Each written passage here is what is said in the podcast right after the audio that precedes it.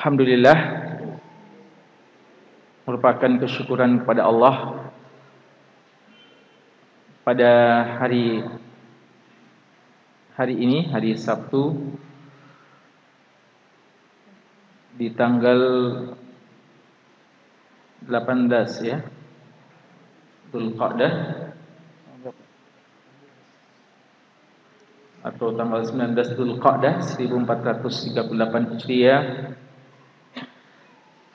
dengan izin Allah dan taufiknya kita dikumpulkan di masjid yang mulia ini, masjid yang penuh dengan berkah insya-Allah untuk membahas satu materi yang di dijudul menjadi manusia terbaik. Insya-Allah kami akan menyampaikan beberapa hadis-hadis dari Nabi kita yang tercinta Rasulullah Muhammad sallallahu alaihi wasallam yang menyebutkan tentang siapa dan apa kriteria manusia yang terbaik. Karena mungkin seandainya masing-masing kita ditanya siapa manusia yang terbaik dan apa kriteria manusia yang terbaik maka mungkin jawaban kita berbeda-beda. Oleh karenanya Allah mengatakan wa in tanaza'tum fi syai'in farudduhu ila Allahi war rasul jika kalian berbeda tentang satu masalah masalah apa saja maka kembalikan kepada Allah dan Rasulnya kami akan menyebutkan insya-Allah beberapa hadis-hadis Nabi sallallahu alaihi wasallam yang menjelaskan kepada kita siapa manusia yang terbaik dan apa saja kriterianya. Apa saja sifat-sifat dan perilakunya. Namun sebelum kami sebutkan hadis-hadis itu, ya insya-Allah dan waktu cukup kita akan sebutkan tujuh kriteria manusia terbaik yang disebutkan oleh Nabi sallallahu alaihi wasallam dalam hadis-hadis beliau yang insya-Allah sahih. Sebelum kita menyebutkan kami akan menyampaikan beberapa mukaddimah, beberapa pengantar atau tiga sebagai pengantar tiga poin yang akan mengantarkan kepada kita sebelum kita sebutkan satu persatu dari sifat-sifat manusia terbaik itu. Yang pertama perlu untuk kita pahami bahwa memang manusia dan makhluk secara umum di sisi Allah bertingkat-tingkat kedudukannya. Memang benar semua kita ini adalah hamba Allah Memang sebenar semua kita ini adalah ciptaan Allah Tapi Allah telah menetapkan juga Menurut ketetapannya yang penuh dengan hikmah dan keadilan Bahwa tingkatan makhluk di sisi Allah berbeda-beda. Allah subhanahu wa ta'ala mengatakan Wa rabbuka yakhluqu ma yasha wa yakhtar. Dan Rabbmu menciptakan apa yang diinginkannya dan Allah Subhanahu wa taala memilih dari hamba-hamba yang telah diciptakannya itu. Firman Allah dalam surat Al-Qasas ini ayat ke-68 menjelaskan kepada kita bahwa setelah Allah Subhanahu wa taala menciptakan hamba-hambanya, Allah memilih hamba-hambanya untuk memuliakan sebagiannya dan untuk mengangkat sebagian dari yang lainnya. Dan tingkatan-tingkatan ini ada tingkatan-tingkatan yang tidak bisa lagi untuk diusahakan. Ya kata Allah, "Maka nalahumul khiyarah." Mereka tidak punya hak untuk memilihnya. Artinya Allah yang memilih. Ada tingkatan-tingkatan memang yang tidak mungkin bisa kita capai. Ya, seperti ketika Allah Subhanahu wa taala menciptakan para manusia, lalu Allah memilih sebagian menjadi rasul maka rasul itu dan nabi bukan sesuatu yang bisa diusahakan mencapai gelar atau kriteria sebagai seorang uh, menjadi seseorang yang disebutkan nabi dan rasul bukan sesuatu yang bisa dicapai dengan latihan-latihan tarbiyah atau yang semacamnya. Tapi dia adalah pemilihan langsung dari Allah tidak mungkin bisa kita usahakan. Dan ada yang bisa diusahakan. Dan ini nanti pokok pembahasan kita. Untuk yang tidak bisa lagi diusahakan tinggal kita mengimani. Bahwa Allah telah menciptakan makhluk-makhluknya lalu Allah memilih. Allah menciptakan umpamanya bulan-bulan 12 bulan. Lalu Allah Subhanahu wa taala menjadikan bulan Dzulqa'dah, Dzulhijjah, Muharram dan bulan Rajab sebagai empat bulan di antara dua belas bulan yang ada empat bulan yang diharamkan di antara dua belas bulan yang Allah ciptakan. Allah menjadikan hari Jumat sebagai hari yang paling mulia dibandingkan tujuh hari yang ada. Ini sudah Allah tetapkan, tidak mungkin bisa lagi diubah-ubah.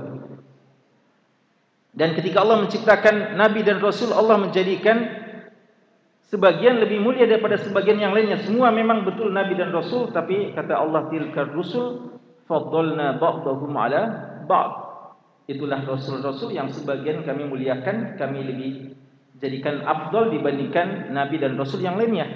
Semuanya nabi dan rasul tapi ada tingkatan-tingkatannya juga. Walaqad faddalna ba'dhan nabiyyina 'ala ba'd wa atayna Dawuda zabura dan telah kami muliakan sebagian nabi dan sebagian yang lain. Ini sudah Allah tetapkan demikian. Tapi ikhwas sekalian, ada yang bisa diusahakan. Allah Subhanahu wa taala menjadikan sebagian lebih afdal daripada sebagian. Terutama dengan amalan-amalan yang telah Allah jadikan lebih mulia dari yang lainnya. Begitu banyak amal soleh. Amal soleh itu begitu banyak jenisnya. Namun amal soleh ini pun bertingkat-tingkat di sisi Allah. Makanya kita baca hadis, kita akan dapatkan pertanyaan-pertanyaan sahabat, ya Rasulullah, apa amalan yang paling baik, apa amalan yang paling soleh, apa amalan yang paling afdal. Berarti ada tingkatan-tingkatannya. Akan hal ini tentang ini Allah mengatakan dalam surat Fatir umpamanya, "Tsumma awrathna al-kitaba alladhina astafayna min ibadina, faminhum dhalimun li nafsihi wa muqtasid wa minhum sabiqun bil khairat bi idznillah." dalika huwal fadlul kabir. Telah kami wariskan kitab ini kepada hamba-hamba kami yang kami pilih. Ternyata hamba-hamba ini bertingkat-tingkat kata Allah. Ada yang mendolimi dirinya ada yang pertengahan dan ada yang bercepat-cepat dalam kebaikan. Itulah yang terbaik. Dan ini kata Allah adalah keutamaan yang sangat besar Termasuk yang bisa diusahakan adalah ketika Allah mengatakan dalam Al-Quran Inna akramakum indallahi atqakum. Sesungguhnya yang paling mulia di antara kalian adalah yang paling bertakwa. Berarti ini kesempatan untuk menjadi orang yang terbaik di sisi Allah Yaitu bagaimana menjadi orang yang paling takwa. Dan ini terbuka Masih terbuka peluangnya. Walaupun untuk orang yang paling takwa sudah tidak mungkin karena sudah dicapai oleh Nabi kita Muhammad sallallahu alaihi wasallam. Kemudian para nabi dan rasul kemudian setelahnya para sahabat dan setelah itu setelah generasi terbaik di sinilah terbuka peluang untuk kita pada berlomba-lomba. Tadi juga kita dengarkan firman Allah kuntum khaira ummatin ukhrijat linnas. Kalian adalah umat yang terbaik umat Islam umat yang terbaik dibandingkan umat-umat yang lainnya. Dan generasi sahabat terbaik dibandingkan generasi yang setelahnya. Ini tingkatan-tingkatan. Yang kedua, hal yang perlu dipahami bahwa setelah kita mengetahui adanya tingkatan-tingkatan seperti itu dan di sebagian tingkatan ada peluang untuk kita bisa mencapainya, maka syariat ini mengajak kita, syariat ini yang datang dari Allah dan datang dari Rasulnya Sallallahu Alaihi Wasallam mengajak kita untuk berlomba-lomba, berkompetisi menjadi orang yang terbaik. Jadi kita tidak boleh pasrah bahwa beginilah saya. Bahkan kita diperintahkan untuk berupaya menjadi yang terbaik di sisi Allah. Dan begitu banyak panggilan-panggilan Allah, ajakan-ajakan Allah kepada hamba-hambanya untuk menjadi manusia yang terbaik. Dua kali Allah mengatakan dalam Al-Quran, Fastabiqul khairat. Berlomba-lombalah dalam kebaikan. Kata-kata berlomba-lomba itu artinya berkompetisi. Diusahakan kita yang paling terdepan. Kita yang terbaik dalam persoalan kebaikan-kebaikan. Kita tidak mau dikalah oleh orang lain. Itu makna fastabiqul khairat. Dalam surat Ali Imran juga Allah mengatakan wasari'u ila magfiratin min rabbikum wa jannah dan bersegeralah kalian untuk menuju pengampunan Allah dan surganya. Wasari'u berusaha kalian yang tercepat. Jadi kalau tadi fast itu berkompetisi ini wasari'u juga berusaha kalian jadi yang tercepat. Sabiqu ila magfiratin min rabbikum. Dalam surat al-hadid juga demikian bersegeralah. Bahkan dalam surat az-zariyat Allah sampai mengatakan fafirru ila Allah berlarilah. Kalau urusan kebaikan lari. Jangan jalan tenang-tenang. Jangan jalan pelan-pelan. Larilah. Artinya jangan sampai kalian terlambat. Jangan sampai kalian terkalahkan tertinggal dalam persoalan persoalan kebaikan-kebaikan. Oleh karena itu Nabi sallallahu alaihi wasallam mengatakan atu adatu fi kulli syai illa fi umuril akhirah. Sifat tenang itu bagus dalam segala keadaan kecuali dalam urusan-urusan akhirat. Kita tidak boleh tenang-tenang sampai ketinggalan kebaikan, harus berusaha menjadi orang yang terdepan. Nabi Musa alaihissalam pernah ditegur oleh Allah Subhanahu wa taala ketika meninggalkan kaumnya, "Wa ma ajalaka an qaumika ya Musa?" Kenapa kamu tinggalkan kaummu? Biarkan kaummu seperti itu. Mana kaummu? Nabi Musa mengatakan, itu mereka di belakang menyusul saya ya Allah. Lalu Nabi Musa menyampaikan alasannya, wa ajiltu ilaika rabbi litarda. Dan saya bercepat-cepat bergegas menuju panggilanmu ya Allah agar engkau ridha kepada saya. Jadi bercepat-cepat dalam kebaikan itu ini adalah di antara sebab ridhonya, senangnya, cintanya Allah kepada hamba-hambanya. Dan ayat salah satu ayat yang paling terkenal tentang masalah ini firman Allah di juz Ammah di surat Al-Mutaffifin ketika Allah mengatakan tentang surga khitamuhu mis wa fi dzalika falyatanafasil mutanafisun. Dan penutupnya adalah penutup yang baik. Dan untuk surga dan semua fasilitas yang ada di dalamnya hendaknya orang yang berlomba-lomba pada berlomba-lomba. Dalam hadis yang juga terkenal hadis Bukhari Muslim dari sahabat yang mulia Abu Hurairah radhiyallahu anhu Nabi sallallahu alaihi wasallam mengatakan idza sa'altumullah fas'aluhul firdaus fa innahu awsatul jannah wa a'lal jannah jika kalian minta kepada Allah surga maka mintalah surga firdaus. Karena surga firdaus adalah surga yang terbaik dan surga yang tertinggi. Jadi kalau kita minta permintaan permintaan yang paling tinggi yang paling mulia adalah minta surga. Jangan di bawahnya. Minta surga. Dan kalau minta surga juga jangan yang penting surga, tapi kata Nabi sallallahu alaihi wasallam minta surga yang tertinggi. Jadi surga yang terbaik. Jadi kita diajak untuk punya ulul himmah, himmah alia, obsesi yang tinggi dalam urusan akhirat kita.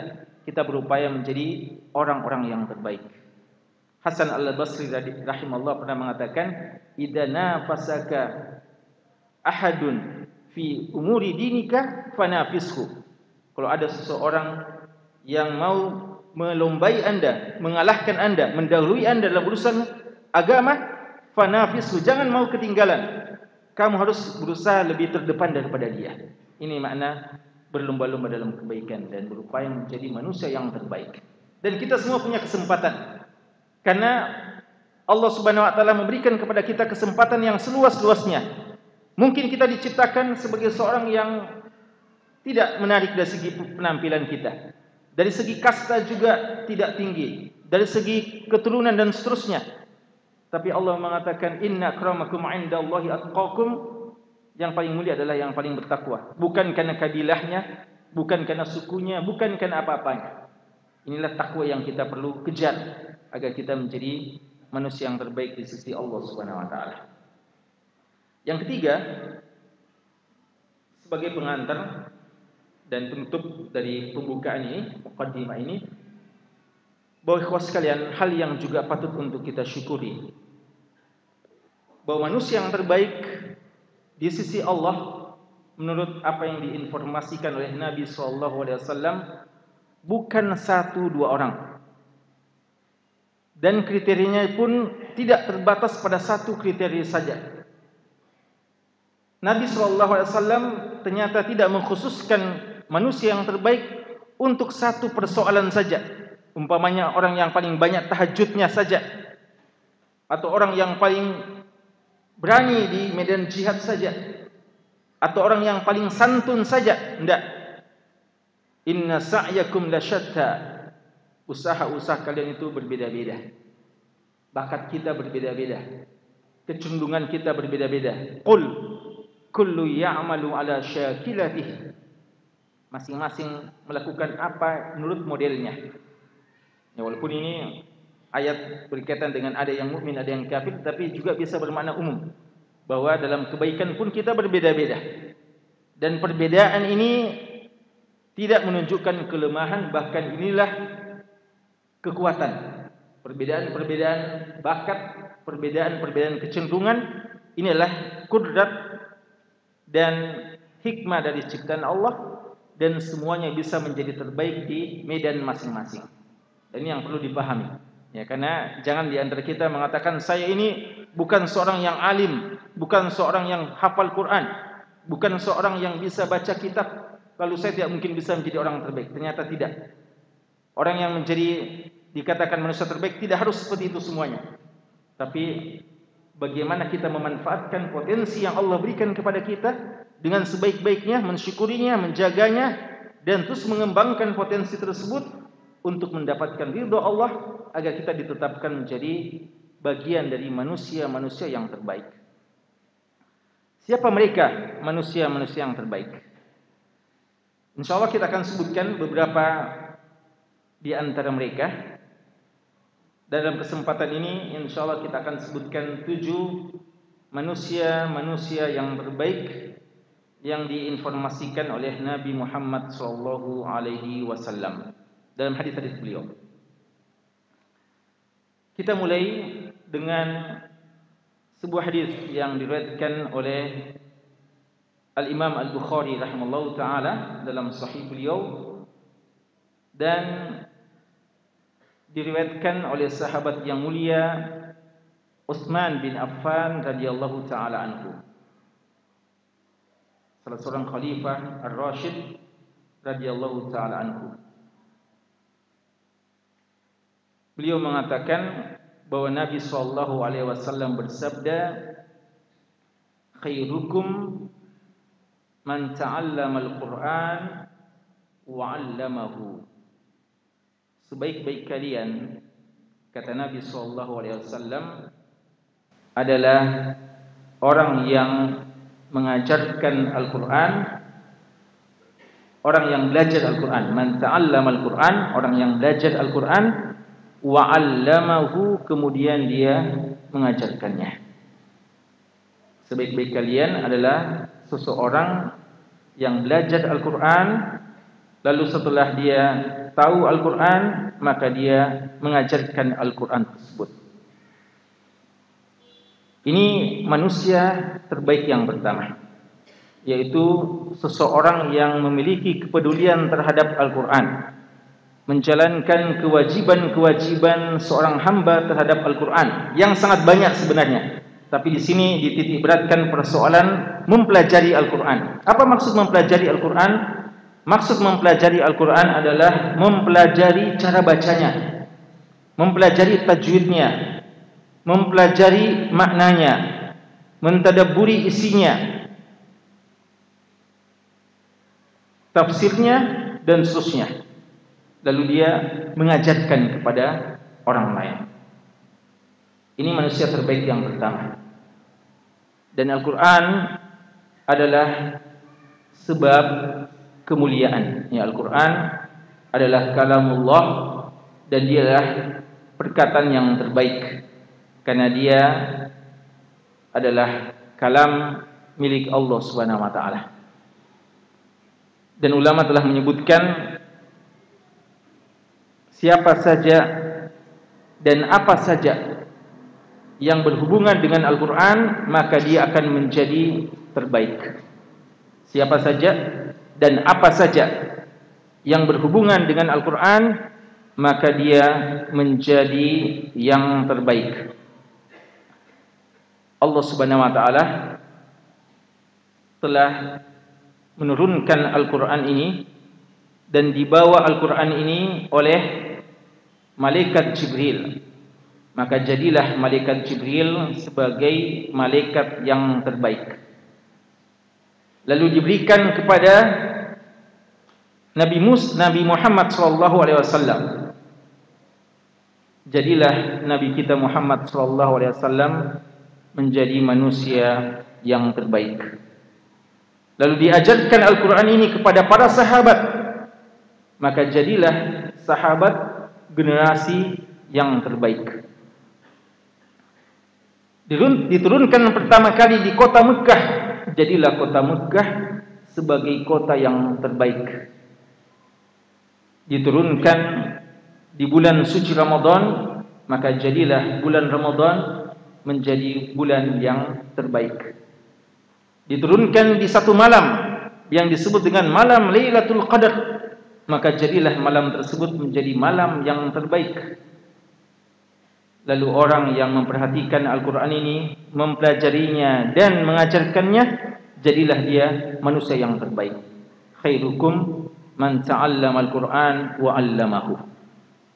Utsman bin Affan radhiyallahu taala anhu yang meriwayatkan kepada kita hadis ini adalah orang yang paling tahu makna hadis ini sehingga beliau termasuk orang yang paling cinta akan Al-Quran. Beliaulah yang meninggal dunia syahid insya Allah dibunuh oleh orang khawarij dalam keadaan bersama dengan Al-Quran. Di tengah malam yang beliau selalu habiskan untuk melakukan solat malam bersama dengan Al-Quran. Mengulang-ulangi hafalan beliau. Dan setiap malamnya beliau khatamkan Al-Quran. Setiap malamnya. Karena beliau meriwayatkan kepada kita hadis ini. Beliau juga telah mengatakan Idza tahurat qulubukum ma syabi'at minal Qur'an. Jika hatimu bersih, tidak mungkin pernah kenyang dengan Al-Qur'an. Tidak pernah mungkin bosan jemu dengan Al-Qur'an. Kita kadang begitu capek membaca Al-Qur'an. Sedikit saja sudah begitu puas. Tidak kuat lama-lama. Kenyang rasanya dengan Al-Qur'an. Padahal seandainya hati kita bersih maka tidak seperti itu. Kenapa beliau bisa merasakan nikmatnya satu satu malam dengan 30 juz? Ya bukan satu malam satu juz ya. Satu malam 30 juz. Bahkan kalau Tamim bin Aus dari satu malam satu rakaat 30 juz. Ya beliau khatamkan. Kenapa ada orang-orang seperti itu? Karena mereka adalah manusia-manusia yang insyaallah bersih hatinya telah merasakan nikmatnya bersama dengan Al-Qur'an Siapa yang meriwayatkan hadis ini? Utsman bin Affan dari kalangan sahabat. Siapa yang meriwayatkan dari Utsman bin Affan? Murid beliau, Abu Abdurrahman As-Sulami. Abu Abdurrahman As-Sulami ini termasuk tabi'in yang paling tekun belajar dan mengajarkan Al-Quran. Dikatakan beliau sejak zaman Utsman bin Affan radhiyallahu anhu menjadi khalifah sampai Hajjaj bin Yusuf Az-Zaqafi, pemimpin yang laling itu 30 tahun atau mungkin 40 tahun kerja Abu Abdurrahman As-Sulami hanyalah duduk untuk mengajarkan manusia Al-Quran. Ketika orang tanya, kenapa kamu begitu sabar, begitu tekun mengajarkan Al-Quran? Beliau mengatakan, ma aqadani bihada illa hadal hadith. Tidak ada yang membuat saya rela untuk duduk di majlis ini kecuali hadis yang saya riwayatkan ini dari guru saya Utsman bin Affan radhiyallahu taala Begitu interaksi mereka dengan wahyu. Mereka tidak sekedar menukil hadis, tapi mereka riwayatkan lalu mereka adalah orang-orang yang pertama kali mengamalkannya. Jadi begitu bersabar mereka dengan Al-Quran disebabkan mereka mendengarkan hadis yang mulia ini. Maka ikhwah sekalian, sebagaimana kata sebagian ikhwah, jangan menghinakan pengajar Al-Quran. Jangan menghinakan guru-guru TPA. Jangan meremehkan orang yang mengajarkan kepada anda Al-Fatihah. Bahkan, sebagaimana kata sebagian ulama kita, kalau kamu bisa tidak ada yang mendahului kamu mengajarkan kepada seseorang surat Al-Fatihah, maka lakukanlah.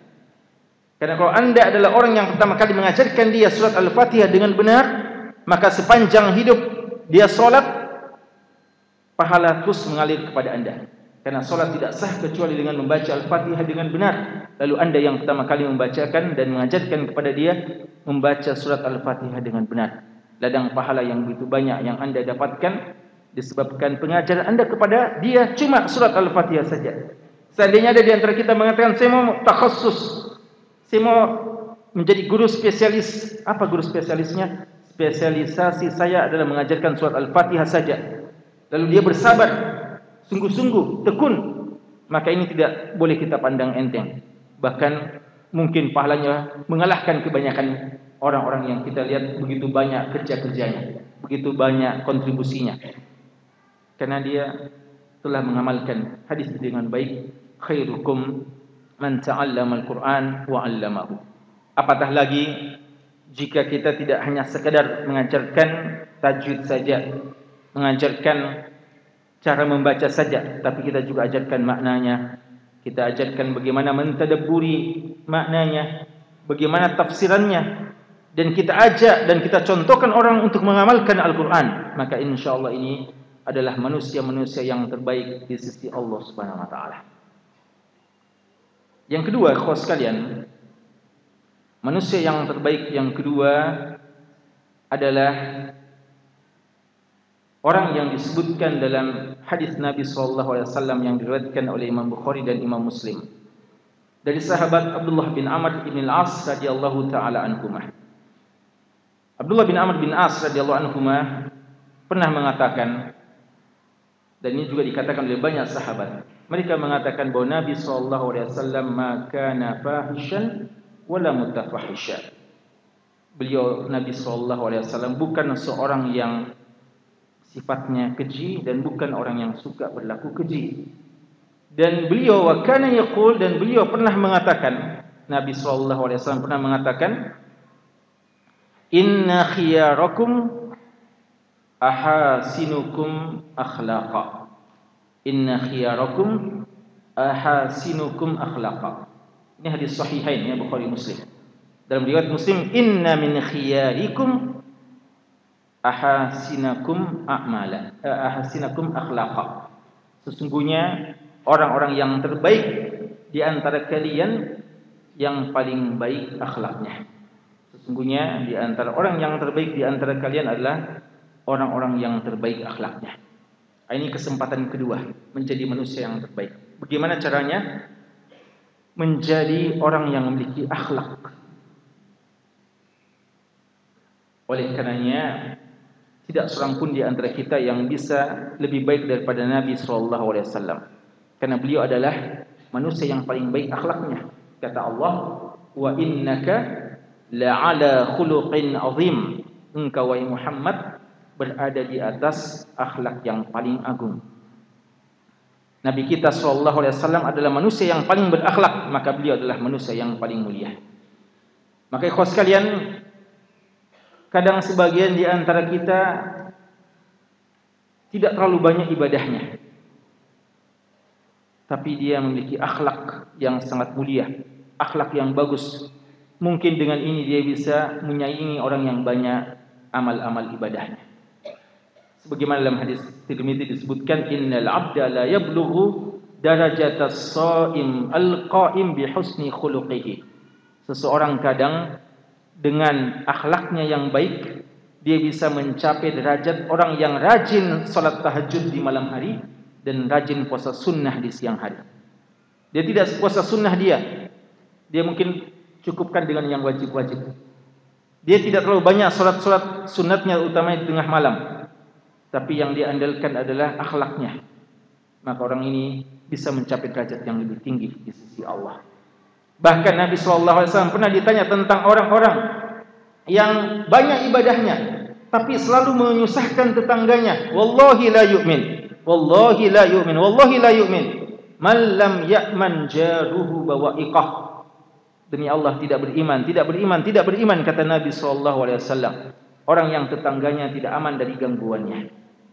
Selalu mengusik, mengganggu tetangganya.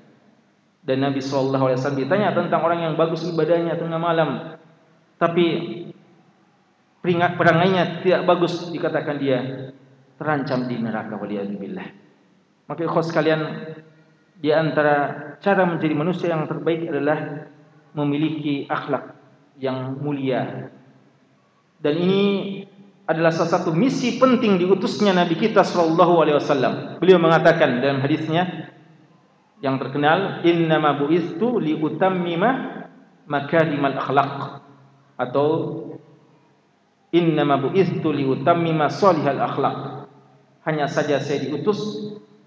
Ya seakan-akan beliau mengatakan satu-satunya ya kalau pakai innama itu seakan-akan bilang cuma itu. Saya diutus cuma untuk ya kalau diartikan begitu ya saya diutus cuma untuk menyempurnakan akhlak manusia Padahal begitu banyak ajaran Islam yang telah beliau bawa. Bukan cuma akhlak, semua yang dibutuhkan manusia telah beliau ajarkan. Tapi karena pentingnya kedudukan akhlak, maka beliau pernah mengatakan, saya diutus oleh Allah, misi utama saya adalah untuk menyempurnakan akhlak dan akhlak manusia, akhlak yang mulia atau kesolehan akhlak. Dalam hadis yang lain dalam ahli sunan juga Nabi sallallahu alaihi wasallam mengatakan ana za'imun wa ana za'imun bi baitin fi a'lal jannah. Liman hasuna khuluquhu atau liman hassana khuluquhu. Saya menjamin kata beliau rumah paling tinggi di surga bagi orang yang mau paling tinggi rumahnya di surga. Maksudnya paling tinggi derajatnya di surga siapa itu kata Nabi wasallam, saya jamin akan mendapatkan rumah yang paling tinggi di surga bagi orang yang bagus akhlaknya atau bagi orang yang memperbaiki akhlaknya. Jadi kawan sekalian, ini kesempatan yang mulia juga, kesempatan yang besar menjadi manusia yang terbaik, menjadi orang-orang yang paling berakhlak. Bagaimana menjadi manusia yang paling berakhlak? Tentu saja kita berakhlak kepada Allah Subhanahu wa taala berakhlak kepada Allah Subhanahu wa taala, senantiasa taat kepada Allah dan Rasulnya. Ya ayyuhalladzina amanu la tuqaddimu baina yadayillahi wa rasulih. Surat Al-Hujurat adalah surat akhlak. Ya, kalau kita mau mulai dengan Al-Qur'an, mulai mau berakhlak dengan arahan Al-Qur'an, baca dan amalkan baik-baik surat Al-Hujurat. Surat yang ke-49 dalam Al-Qur'an yang dinamakan oleh sebagian ulama kita sebagai suratul akhlak wal adab surat akhlak dan adab. Di sana ada adab seorang hamba kepada Allah, adab seorang hamba kepada Rasulnya, dan adab kepada sesama hamba. Amalkan itu, maka insya Allah anda menjadi seorang yang berakhlak mulia. Dan banyak sekali bahasan-bahasan adabnya. Insya Allah dan ya ada uh, waktu nanti ya kita bahasnya. Atau secara mudah baca buku-buku ulama kita tentang adab. Ya, Imam Bukhari rahimahullah taala punya buku namanya Al Adabul Mufrad. Ya, kitab ini sangat penting, bagus dibaca. Ya, kalau yang biasa kita konsumsi Kitabul Jami' itu ada bab adab, baca itu bagaimana adab-adab dan akhlak yang harus dimiliki oleh mukmin muslim untuk menjadi manusia-manusia yang termulia. Maka ikhwas sekalian, tidaklah orang manusia yang termulia hanya ketika mengandalkan akidah yang dia yakini ada kokoh di sanubarinya, di jiwanya. Atau ibadah yang banyak dilakukannya. Lalu dia merasa paling sombong, paling hebat di hadapan manusia. Bukan itu manusia yang terbaik. Justru manusia yang terbaik adalah orang yang berakhlak yang baik. Dan justru dia merasa rendah di sisi Allah dan di tengah-tengah manusia. Rendah hati maksudnya, bukan merendahkan diri tapi rendah hati. Maka itu pertanda manusia yang terbaik. Yang ketiga di antara kriteria manusia yang terbaik apa yang diriwayatkan oleh Al-Imam At-Tirmidzi rahimallahu taala dari sahabat yang mulia Aisyah radhiyallahu taala anha. Ibu orang-orang beriman istri dari nabi kita sallallahu alaihi wasallam. Dan hadis ini juga diriwayatkan oleh Imam Ibnu Majah dari sahabat Abdullah bin Abbas radhiyallahu anhu namun ada kelemahannya dari sisi sanad tapi maknanya sama bahwa Rasulullah sallallahu alaihi wasallam bersabda khairukum sebaik-baik kalian khairukum li ahlihi yaitu orang yang paling baik kepada keluarganya. Sebaik-baik kalian adalah orang yang terbaik di tengah-tengah keluarganya atau untuk keluarganya. Jadi manusia yang terbaik adalah manusia yang paling bagus sikapnya, paling bagus khidbahnya, paling bagus perlakuannya kepada keluarganya. Kalau kita bandingkan dengan yang tadi, yang tadi ini anjuran untuk berlaku yang baik kepada semua manusia setelah berlaku baik kepada Allah dan Rasulnya. Tapi khususkan hadis kita yang ketiga ini, kriteria ketiga ini mau lebih mengkhususkan bahwa mari kita mulai menjadi orang yang terbaik di rumah tangga kita. Sebelum kita terbaik di tengah-tengah manusia, mari kita mulai menjadi manusia yang terbaik di tengah-tengah keluarga. Jangan sampai terjadi sebaliknya, kontras akhirnya. Orang kalau di luar tanya siapa kita atau orang ketika menilai kita mereka mengatakan manusia yang terbaik. Tapi kalau orang rumah ditanya orang rumah justru mengatakan itu naudzubillah. Ya. Jangan sampai istri kita mengatakan naudzubillah kepada suaminya, anak-anaknya mengatakan naudzubillah. Ya. Jangan sampai kita menjadi orang yang tidak pernah diharapkan pulang ke rumahnya dan kepergiannya digembirakan oleh keluarganya. Jadilah suami yang senantiasa dirindukan oleh istrinya dan bapa yang dirindukan oleh anak-anaknya. Kata Nabi sallallahu alaihi wasallam khairukum khairukum li ahli wa ana khairukum li ahli dan kata Nabi sallallahu alaihi wasallam dan saya sendiri adalah manusia yang terbaik untuk keluargaku. Jadi kalau kita mau lihat bagaimana cerminan orang yang terbaik untuk keluarga, lihatlah Nabi kita Muhammad sallallahu alaihi wasallam. Beliau kata Nabi sallallahu alaihi wasallam dan saya sendiri adalah manusia yang terbaik untuk keluargaku. Oleh karenanya Aisyah radhiyallahu anha kalau ditanya siapa Nabi sallallahu alaihi wasallam terlalu panjang kalau mau digambarkan kebaikan-kebaikan beliau. Maka beliau singkatkan dalam hadis Muslim beliau singkatkan dengan kana khuluquhu al-Quran. Akhlaknya Rasulullah itu Al-Quran. Baca Al-Quran itulah Nabi kita sallallahu alaihi wasallam. Setiap kita membaca sifat dan akhlak yang baik itulah yang ada pada Nabi sallallahu alaihi wasallam. Setiap kita baca sifat dan akhlak yang buruk itulah yang tidak dimiliki oleh Nabi Muhammad sallallahu alaihi wasallam. Ini yang mengatakan ini orang yang terdekat dengan beliau yang selalu bersama dengan beliau sallallahu alaihi wasallam dan itu juga perkataan istri-istri beliau yang lainnya.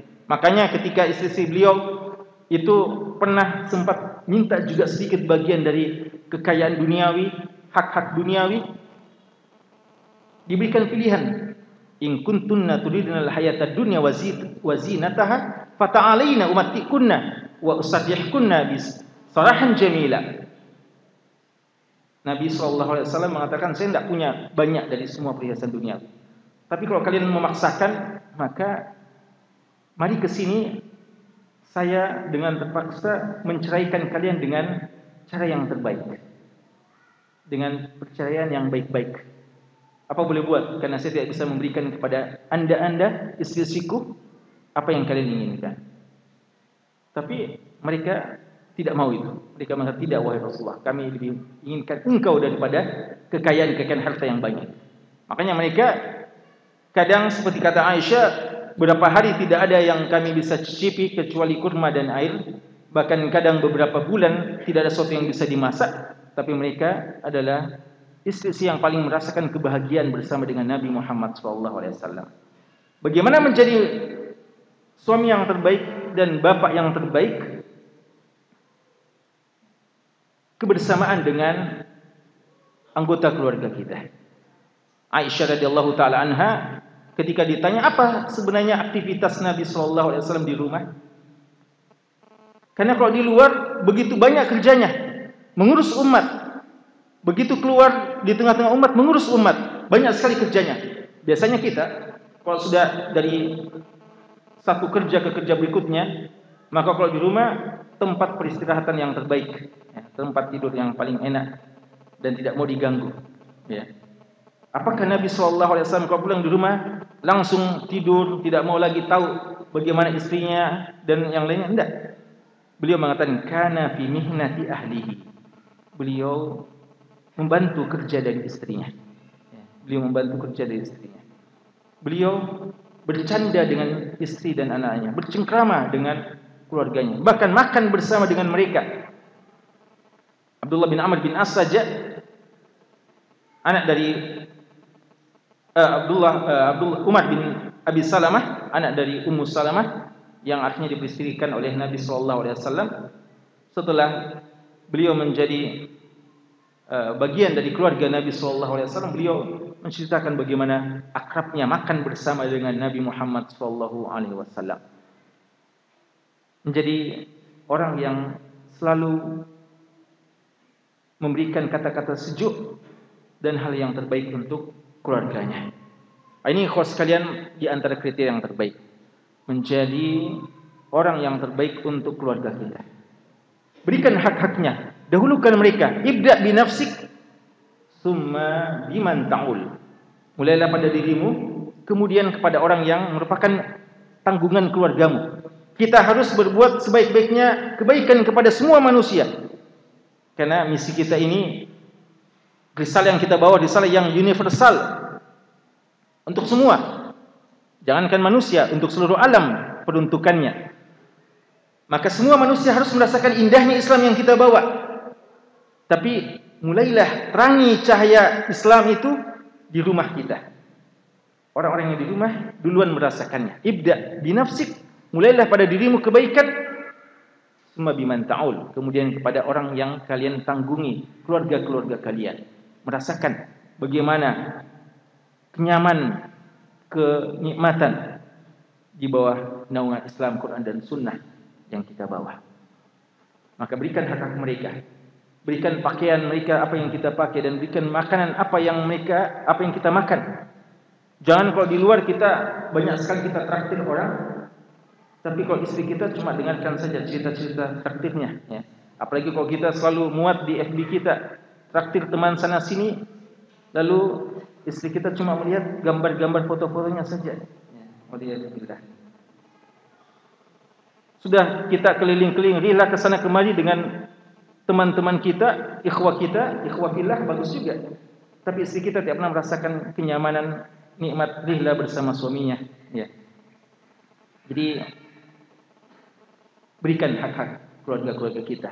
Jadikanlah diri kita menjadi manusia yang terbaik menurut penilaian keluarga kita dan dengan itu insyaallah Allah pun menilai kita menjadi manusia yang terbaik.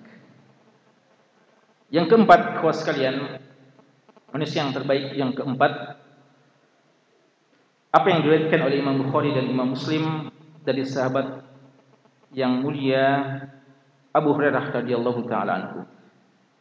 Bahwa Nabi sallallahu alaihi wasallam bersabda inna khiyarakum atau inna min khiyarikum atau inna afdalakum. Riwayat berbeda tapi maknanya sama. Sesungguhnya orang yang terbaik di antara kalian atau di antara yang terbaik di antara kalian atau orang yang paling afdal di antara kalian ahsanukum qada'a orang yang paling bagus cara membayar utangnya Orang yang paling bagus di antara kalian adalah orang yang paling bagus cara membayar utangnya. Bukan orang yang terbaik di antara kalian orang yang paling banyak utangnya, bukan ya. Perhatikan. Bukan berarti kita harus terpaksa berhutang agar kita menjadi manusia yang terbaik, tidak. Tapi ketika kita terpaksa berhutang, ditakdirkan berhutang, maka orang yang terbaik adalah orang yang paling bagus cara membayar utangnya. Utang khusus kalian berhutang adalah suatu hal yang boleh walaupun tidak dianjurkan. Nabi sallallahu alaihi wasallam dalam banyak hadisnya berlindung dalam dari beberapa hal dan di antara doa beliau adalah wa a'udzu bika min ghalabatid dain saya berlindung kepadamu ya Allah dari dikalahkan oleh utang. Saya dikalah oleh utang artinya terus dikuasai oleh utang. Dalam sebagian riwayat dola'id dain dola'id dain jadi utang yang uh, sangat dalam ya. Artinya terperosok dalam utang tidak bisa lagi keluar selalu merasa butuh untuk berutang. Ya jangan seperti itu. Jangan kita merasa kayaknya tidak ada hal kecuali harus berutang. Utang sekali lagi tidak dianjurkan. Maka seorang yang bahagia kalau tidak punya utang sama sekali. Tapi dia juga hal yang dibolehkan dalam syariat Islam. Maka bagaimana menjadi orang terbaik kalau kita terpaksa berutang. Nah ini sama dengan nazar ya. Nazar itu tidak dianjurkan. Tapi kalau sudah bernazar, maka orang yang terbaik adalah orang yang yufuna bin nazar, ya, orang yang menunaikan nazarnya. Walaupun nazar itu tidak dianjurkan, tapi kalau sudah bernazar maka tunaikan. Sama dengan utang. Utang tidak dianjurkan. Namun ketika kita terpaksa berutang, memang kebutuhan sudah mendesak, maka ini halal, tidak terlarang. Tapi sebagaimana kata Nabi wasallam, ahsanukum qada'a menjadi orang yang paling bagus cara membayar utangnya. Bagaimana menjadi orang yang paling bagus cara membayar utangnya? Di antaranya adalah tepati perjanjian utang kita. Kalau ada yang mengatakan saya berutang tapi tidak tahu kapan harus membayarnya. Tidak ada perjanjian sebelumnya. Ah, ini salah. Bukankah ayat yang paling panjang dalam Al-Quran di surat apa? Ayat yang paling panjang surat Al-Baqarah di ayat ke 282, ayat tentang utang. Ya. Transaksi utang piutang. Bagaimana Allah merinci tentang harusnya melakukan transaksi dan jangan karena bosan, jangan karena malas sampai kita tidak mengadakan transaksi dan dengan saksi-saksinya. Perlu ada acuan sampai kapan kalau kita berhutang. Dan ketika kita tidak sanggup pada waktunya, maka sampaikan. Minta maaf dan sampaikan. Tapi kita harus ada usaha yang serius untuk membayarnya. Dan Nabi SAW,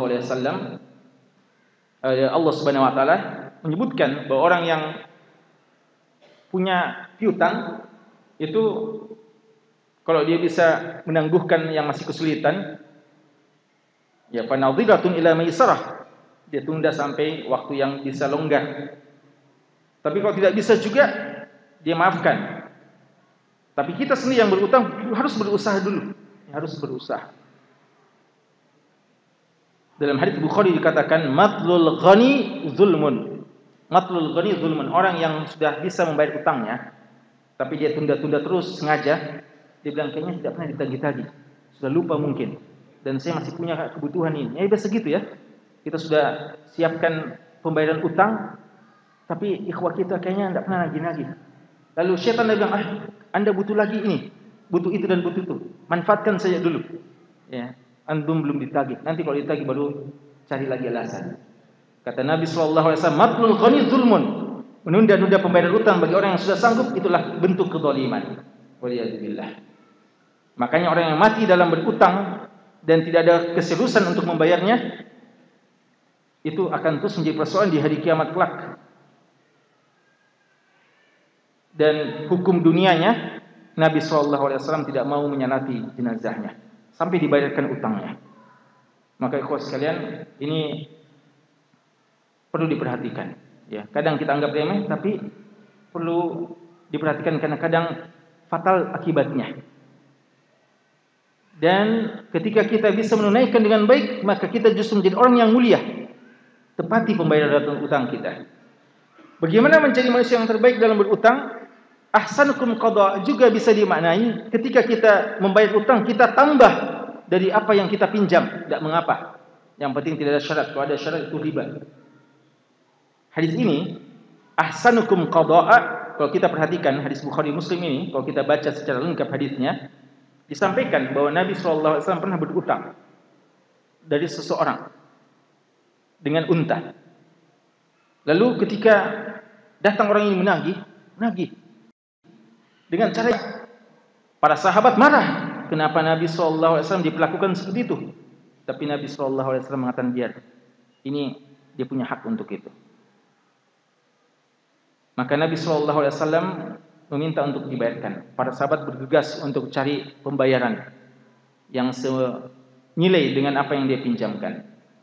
Tapi ternyata tidak ada lagi kecuali yang lebih mahal dan kualitasnya lebih baik dari apa yang pernah dipinjam.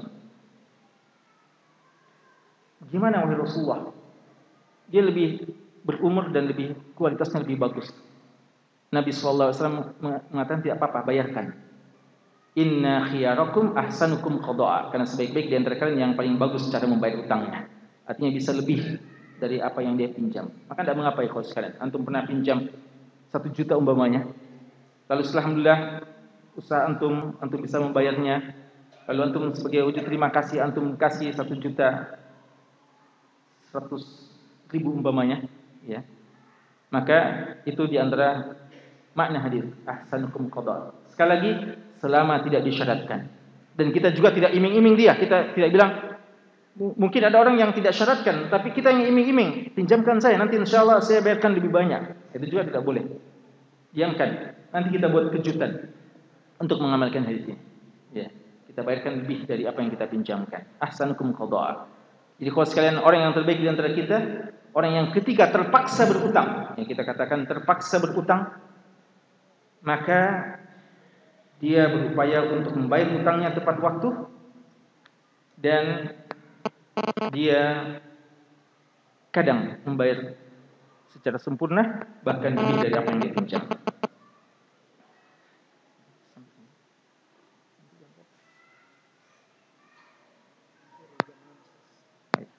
Baik. Uh, tadi yang keempat ya. Kita lanjut yang kelima kita usahakan uh, bisa ringkas. Yang kelima khos sekalian dari hadis Abu Bakrah radhiyallahu taala anhu. Hadis ini diriwayatkan oleh Imam Ahmad dan Imam Tirmizi salah satu dari kriteria manusia-manusia yang terbaik di sisi Allah Subhanahu wa taala sesuai yang diinformasikan oleh Nabi sallallahu alaihi wasallam. Hadis Abu Bakar ini juga diriwayatkan oleh beberapa sahabat yang lain ya seperti Imam uh, seperti sahabat Ibnu Umar ya Uh, dan Abdullah bin Busar radhiyallahu taala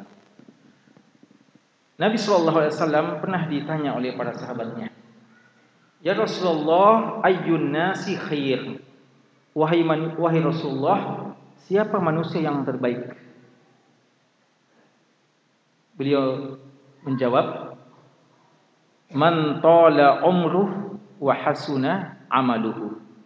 Orang yang panjang umur dan bagus amalannya Beliau ditanya lagi, "Wa ya Rasulullah, ayyun nasi syarr?" Siapa manusia yang paling jahat, paling buruk? Kata beliau, "Man tala umruh wa sa'a amaluhu." Orang yang panjang umurnya dan buruk amalannya. Jadi kalau sekalian bukan persoalan berapa umur kita. Tapi persoalannya bagaimana kualitas umur kita. Itu yang terpenting. Karena Nabi SAW ketika ditanya siapa manusia terbaik, beliau bilang yang panjang umur. Ditanya siapa manusia yang paling buruk, beliau juga bilang yang panjang umur. Tapi apa yang membedakan antara pertama dan kedua?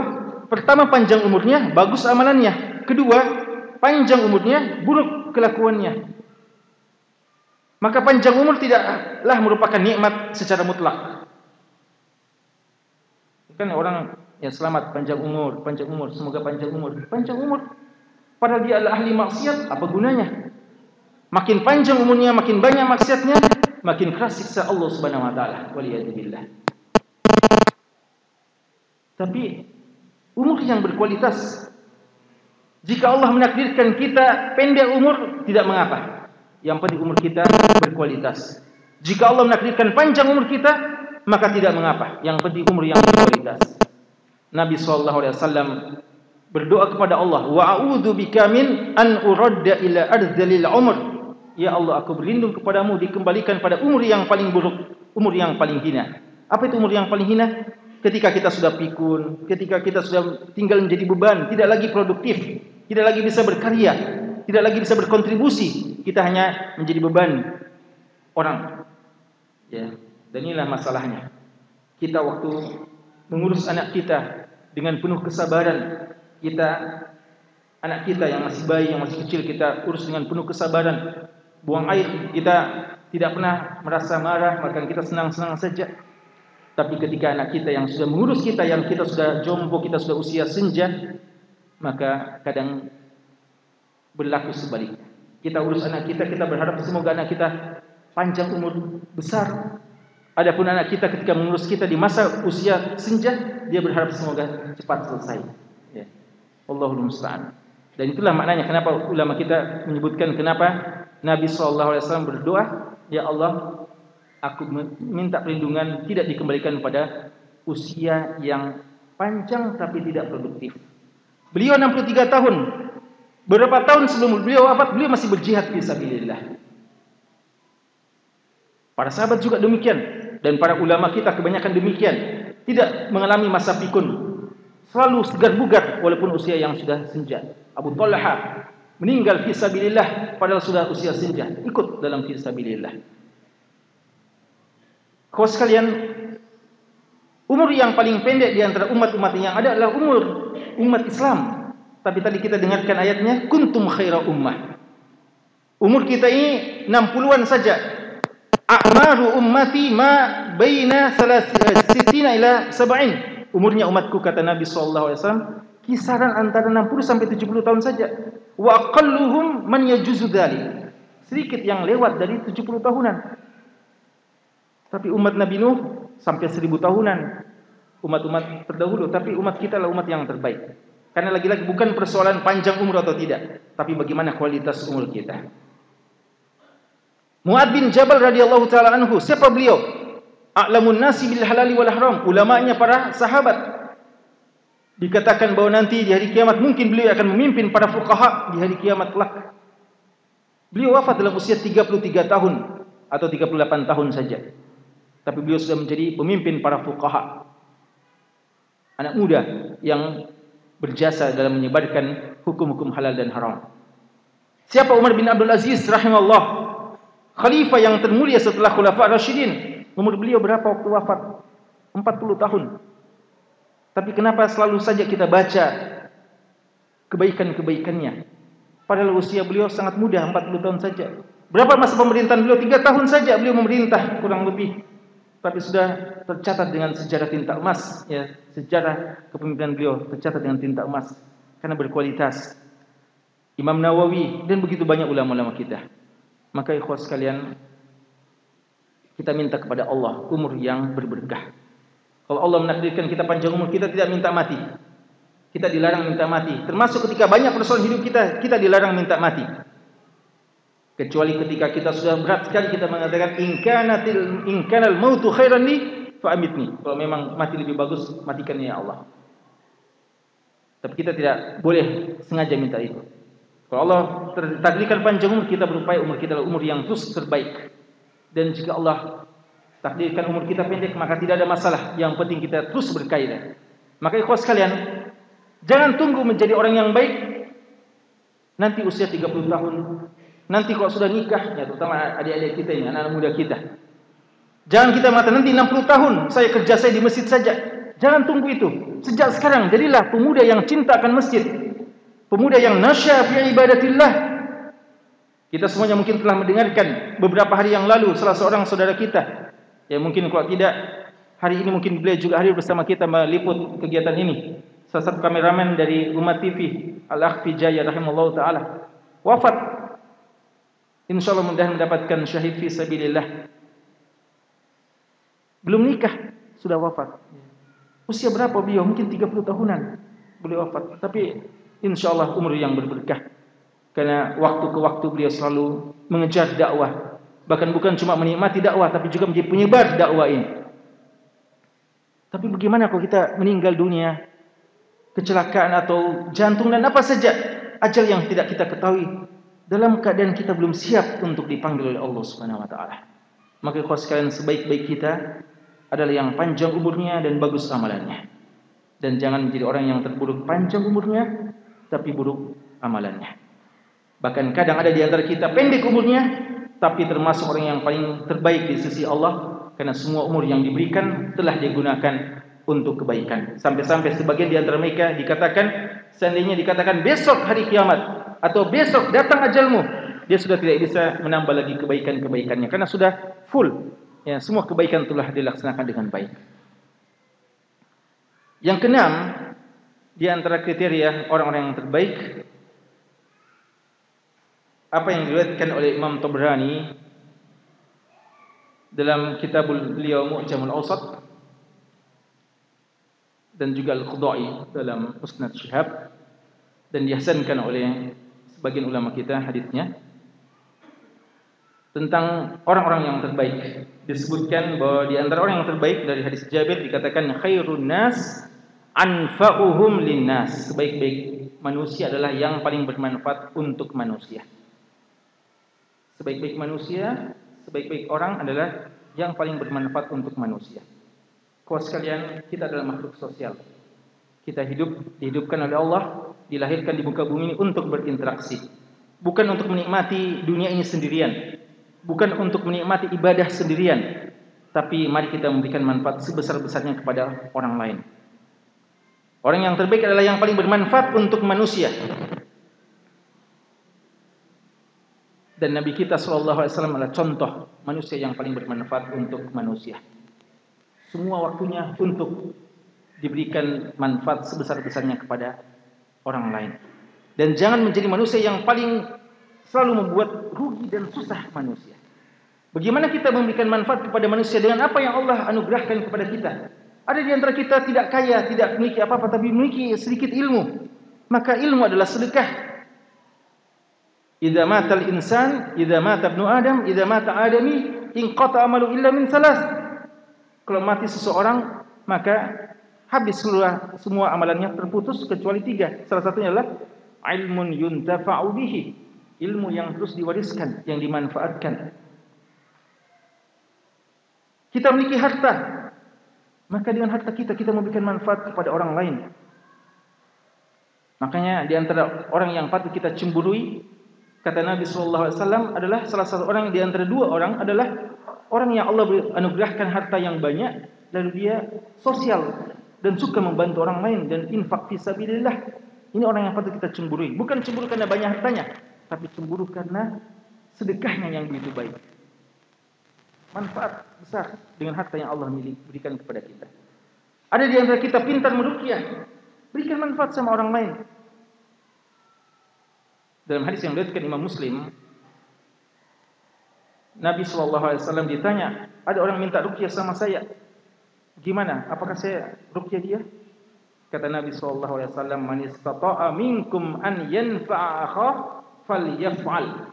Siapa di antara kalian yang bisa memberikan manfaat kepada saudaranya, lakukanlah. Kita bisa merukyah dia, dia sedang sakit, kita obati, kita rukyah, maka berikanlah manfaat itu kepada saudara kita. Lakukan apa saja yang kita miliki. Jadi apa yang kita miliki dari kebaikan, Mungkin kita tidak lagi memiliki harta yang banyak, tapi kita orang yang cukup dihormati. Kita kalau menulis surat, dihargai surat kita, bisa membantu orang lain. Nabi kita sallallahu alaihi wasallam, kenapa beliau kadang didatangi oleh sahabat-sahabat untuk minta makanan, kadang sahabat yang kelaparan, kadang sahabat yang butuh harta. Kenapa mendatangi Nabi sallallahu alaihi wasallam? Bukankah mereka tahu Nabi sallallahu alaihi wasallam juga miskin? Iya, tapi beliau adalah seorang yang suka membantu sahabatnya. Beliau kalau tidak punya apa-apa, Beliau pergi ke sahabatnya mengatakan ini saudara kalian butuh bantu dia. Dan beliau mengatakan isfa'u tu'jaru. Berikanlah syafaat kepada teman-teman kalian, kalian akan mendapatkan pahala. Saya mungkin tidak memiliki apa-apa tapi saya bisa membantu Anda mencarikan orang yang bisa membantu Anda. Maka usaha saya ini adalah manfaat untuk saudara saya. Itu termasuk memberikan manfaat. Maka apa saja ikhwan sekalian? Manfaat yang kita bisa berikan kepada saudara kita, lakukan. Jangan tunggu-tunggu. Ini kesempatan dan ini kesempatan untuk menjadi salah seorang manusia yang terbaik di sisi Allah Subhanahu wa taala. Yang terakhir, sebenarnya masih banyak ya. Tapi waktu yang terbatas dan kita cukupkan tujuh untuk pengajian kita ini. Di antara manusia yang terbaik adalah apa yang diriwayatkan oleh Imam At-Tabrani dan Imam Ahmad juga dalam Musnad beliau dan Imam Bukhari dalam Adabul Mufrad dari sahabat yang mulia Asma bintu Yazid Al-Ansariyah radhiyallahu taala anha dan hadis ini dihasankan oleh beberapa ulama kita di antaranya Syekh Al-Albani rahimahullah dan juga Syekh Shuaib Al-Arnaud dan juga uh, Al-Busiri dalam Misbahul Zujajah dalam taklik beliau terhadap Sunan Ibn Majah karena di sini juga diriwayatkan dari Imam Ibn Majah ketika Nabi SAW ditanya uh, ketika beliau berkata kepada para sahabatnya ala ukhbirukum bi khiyarikum? Apakah kalian mau aku beritahukan orang yang terbaik di antara kalian? Para sahabat mengatakan bala ya Rasulullah. Tentu wahai Rasulullah kami ingin tahu siapa orang yang terbaik di antara kami. Jawab Nabi wasallam khiyarukum.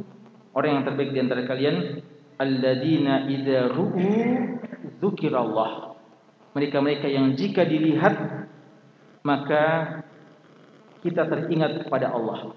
Atau Allah diingat. Siapa orang yang terbaik di antara kalian? Kata Nabi sallallahu alaihi wasallam adalah mereka-mereka orang-orang yang jika kita melihat mereka langsung kita teringat Allah Subhanahu wa taala. Dalam riwayat yang lain dikatakan mereka adalah para wali-wali Allah. Aulia Allah alladzina idza ru'u dzikrallah.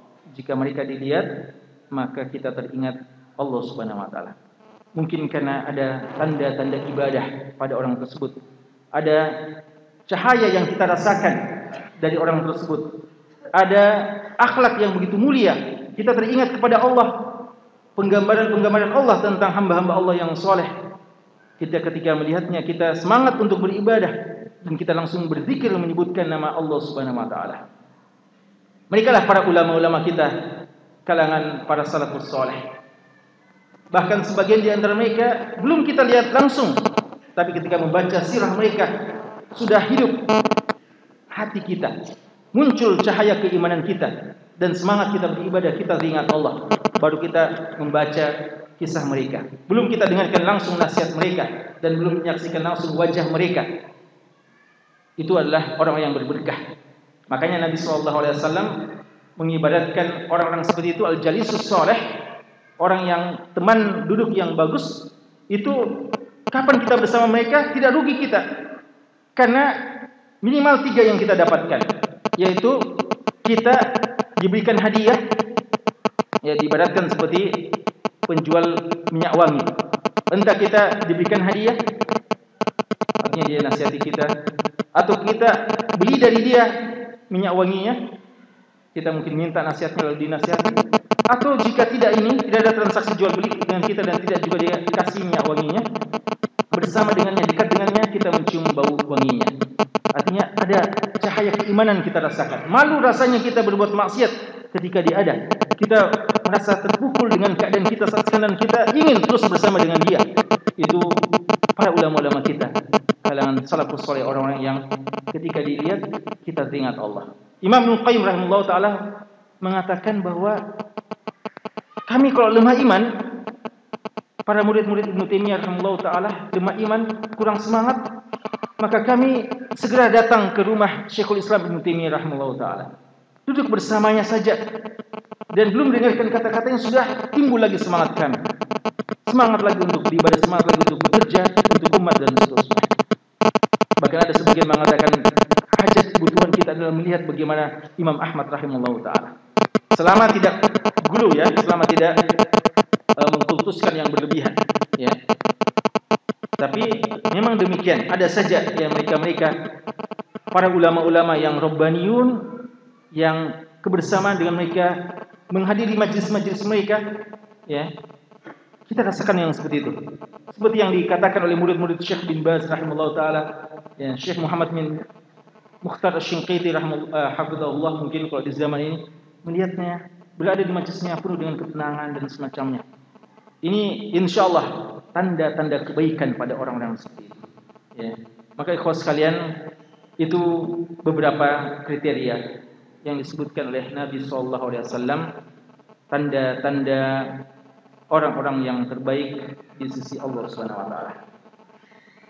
dan seperti yang kita sebutkan di awal kriteria-kriteria ini masih terbuka peluangnya untuk kita bisa menjadi bagian dari mereka-mereka itu. Karena kita tidak menyebutkan dalam pembahasan kita ini khairukum atau khairun nas qarni. Yang itu juga manusia terbaik, tapi sahabat kita sudah tidak punya peluang. Tapi kita sengaja sebutkan kriteria yang masih kita berpeluang untuk menjadi bagian dari mereka. Jika kita bisa menjadi tujuh, bagian dari tujuh, maka mengapa tidak? Atau jika tidak bisa semuanya, ambillah salah satu dari kriteria ini untuk menjadi bagian orang yang terbaik di sisi Allah Subhanahu Wa Taala. Sekali ini, mohon maaf atas segala hal yang tidak tepat, yang kurang berkenan.